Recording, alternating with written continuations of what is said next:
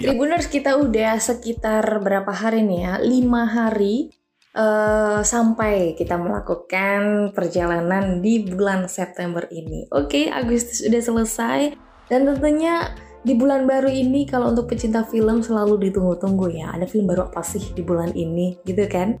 Nah, ini juga menjadi trending topik pencarian masyarakat tentunya. Film yang tayang 2022 bulan September gitu kan.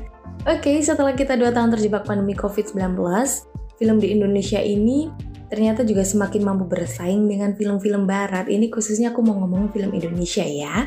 Uh, film apa aja yang akan rilis di bulan September ini?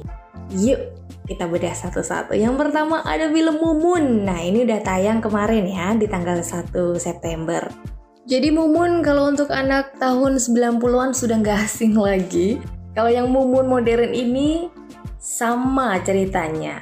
Kalau yang sekarang diperankan oleh Acha Septriasa yang meninggal secara tragis.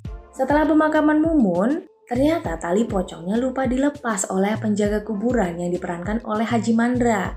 Sehingga ceritanya arwah pocong mumun gentayangan Sama seperti yang uh, tayang di tahun 2002 dulu kan ya Ini hanya remake aja tapi nggak kalah horror Aku juga sampai belum nonton ini Film yang kedua Miracle in the Cell Number 7 Ini akan tayang di Indonesia mulai 8 September besok Adaptasi film Korea Selatan yang menceritakan seorang bapak kalau yang versi Indonesia diperankan oleh Vino G. Bastian Ternyata dia berkebutuhan khusus yang dituduh melakukan pembunuhan.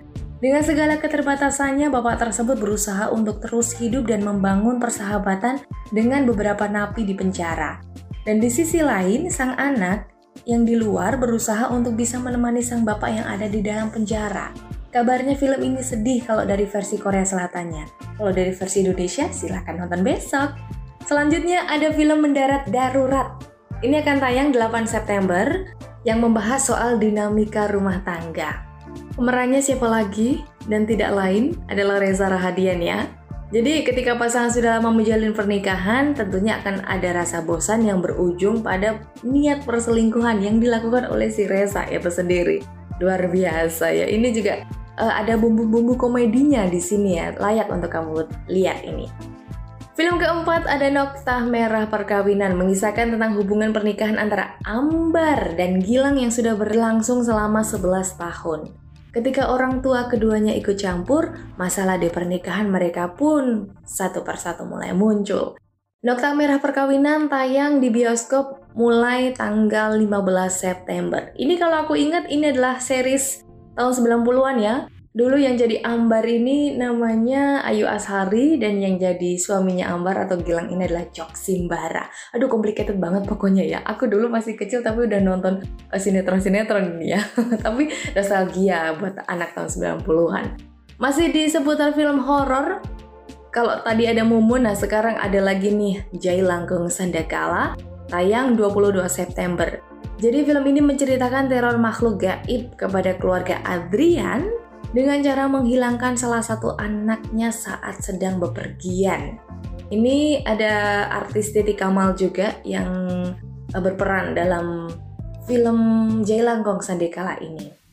Next ada lagi masih di film horor di sini hmm, ada Jagat Arwah. Wah ini ternyata film horor pertama milik V Cinema Pictures ya.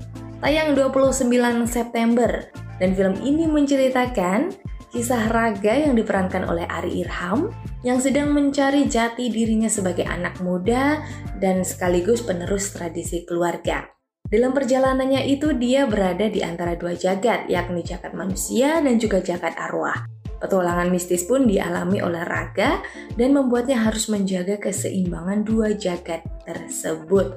Wow, ini aduh rumit banget ini ya. Oke, sebelum ada jagat arwah tadi, di tanggal 22 September juga akan rilis film yang berjudul Gendut Siapa Takut. Aduh.